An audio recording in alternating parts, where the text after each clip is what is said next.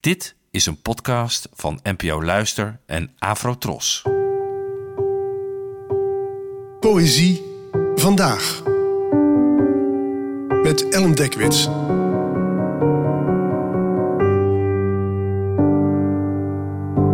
Hallo, fijn dat je luistert. Het gedicht van vandaag heet Een soort verlies en werd geschreven door de Oostenrijkse dichteres Ingeborg Bachmann, geboren in 1926 en gestorven in 1973. Het werd vertaald door Paul Beers. Een soort verlies. Samen gedeeld. Seizoenen, boeken, muziek. De sleutels, de theekopjes, de broodmand, lakens en een bed. Een uitzet van woorden, gebaren, meegebracht, gebruikt, verbruikt. De huisregels gevolgd. Gezegd, gedaan en steeds de hand gereikt. Ik werd verliefd op winters, een Weens septet en zomers. Op landkaarten, een bergdorp, een strand en een bed. Hield de data in ere, verklaarde belofte voor onverbrekelijk, verafgoden een iets en was vroom voor een niets. Die opgevouwen krant, de koude as, het blaadje met een notitie.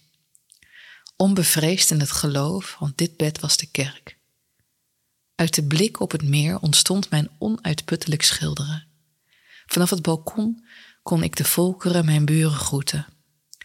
Bij het haardvuur in veiligheid had mijn haar zijn diepste kleur. Het bellen aan de deur was het alarm voor mijn vreugde. Niet jou heb ik verloren, maar de wereld. Wat sommige mensen soms een beetje frustrerend kunnen vinden aan poëzie is dat ze wel eens vaag is.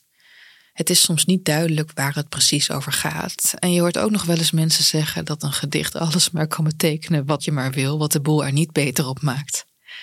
Dat laatste is natuurlijk maar in heel beperkte mate zo. Je kan bijvoorbeeld zeggen dat dit gedicht van Ingeborg Bachman dat je zo even hoorde over grasmaaien gaat. Maar ik weet niet of je iemand daarvan kan overtuigen op basis van de inhoud. En tegelijkertijd kan het feit dat een gedicht breder kan worden opgevat dan bijvoorbeeld de handleiding voor een kolfapparaat je ook bevrijden.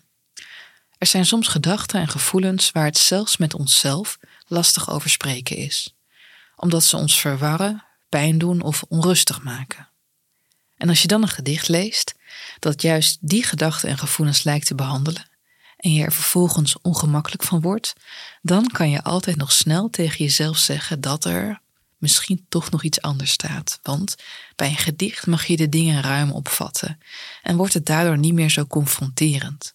Ontstaat er een veiliger afstand tot materie die je misschien nog niet geheel aan kan, maar waar je met behulp van een gedicht wel langzaam omheen kan cirkelen, met kleine stappen naderen. Neem dit gedicht van Ingeborg Bachman. Een kennis van mij ontdekte het vlak nadat ze haar geliefde had verloren en toen ze het voor het eerst las, dacht ze dat het over de oorlog ging. Bij een tweede lezing dacht ze dat het handelde over een gebroken hart, en tenslotte was ze ervan overtuigd dat het over de dood ging. Ze vertelde mij dat de betekenis veranderde naarmate ze er klaar voor was, en ze daardoor stapgewijs ook iets onder ogen kon komen waarvan ze eerder nog niet wilde dat het waar was. En zo kunnen gedichten zij wieltjes vormen tot je uit jezelf je balans weer weet te houden.